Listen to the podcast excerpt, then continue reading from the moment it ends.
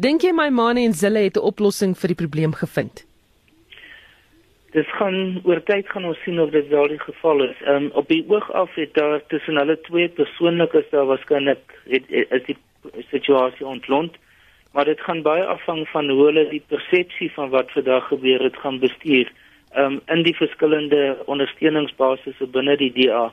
Want uh, die DA bestaan nou uit 'n veelheid van ondersteuningsgroepe. Um, en, en nie almal kyk daarna met presies dieselfde oë daarna nie. So ek dink dit gaan 'n groot uitdaging wees vir die DA oor oor hoe hulle dit gaan hanteer. Die, die, byvoorbeeld die ANC se reaksie nou onmiddellik was uiters negatief geweest en dit kom daarop neer dat eh uh, Musi Maimani nie in beheer van die situasie was nie. So dis die tipe van reaksie wat hulle gaan kry. Uh dan aan die ander kant is gaan daar reaksies van verligting wees waarskynlik. So die die groot uitdaging is hoe gaan hulle hierdie verskillende uiteenlopende standpunte of beskouings en persepsies bymekaar kan uitbring. Nou jy het die konferensie gekyk, ehm um, en jy het gesien hoe hulle teenoor mekaar opgetree het. Ehm um, wat lê jy af van die verhouding tussen Maimani en Zille? Dit was baie formeel geweest. Ehm um, Helen Gille het vir my gelyk asof die in in asof sy verslae is, asof sy uh, ek het nog nooit so Helen Gille in die openbaar so gesien nie. Ehm um, so dit is nie 'n ek dink dit skep die beeld van 'n situasie wat meer opreg is. Dit is nie iets wat net dat hom net deur die proses gaan en dat dit so van polities opportunity opportunisties is nie.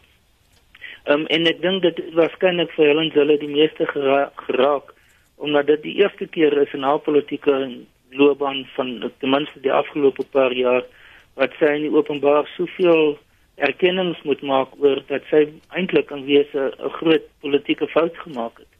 Ehm um, en ek dink vir haar was dit waarskynlik een van die die moeilikste dae gewees om om so 'n erkenning te kan maak gegee die feit van waar sy vandaan kom as die die absolute leier binne die DA tot 'n persoon wat nou eintlik uit heeltemal uitgerangeer is uit die DA uit. Kan die ooreenkoms die DA se kiesersteen beïnvloed?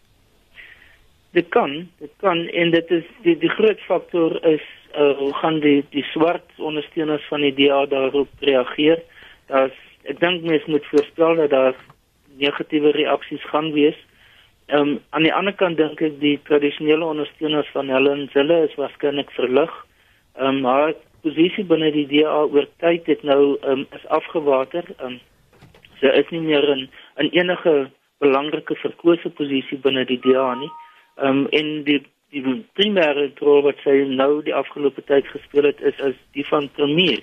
En dit is dus eintlik onaangeraak. En ek dink dis waarskynlik een van die vrae wat voor wat nog beantwoord moet word is wat werklik het sy opgeoffer deur hierdie besluit van vandag.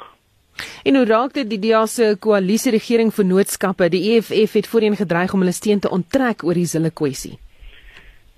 Ja, ek dink dit gaan nog 'n hele paar gesprekke tussen Musi Maimane en Julius Malema en ander leiers van die twee partye nodig wees voordat hulle werklik tot 'n vergelyk gaan kom om dit lyk op hierdie stadium wel asof die die EFF bereid is om belangrike kompromieë met die EF, met die DA aan te gaan terwyl daarvan om die koalisieregerings in stand te hou. Um, dis anders as wat ons byvoorbeeld in Nelson Mandela baie gesien het tussen die DA en die UDM wat baie meer problematies is.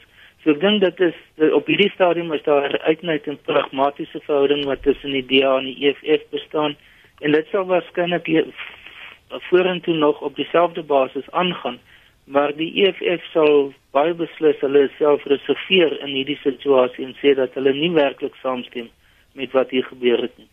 Baie dankie dit was professor Dirk Coetzee van die NISA se departement politieke wetenskap.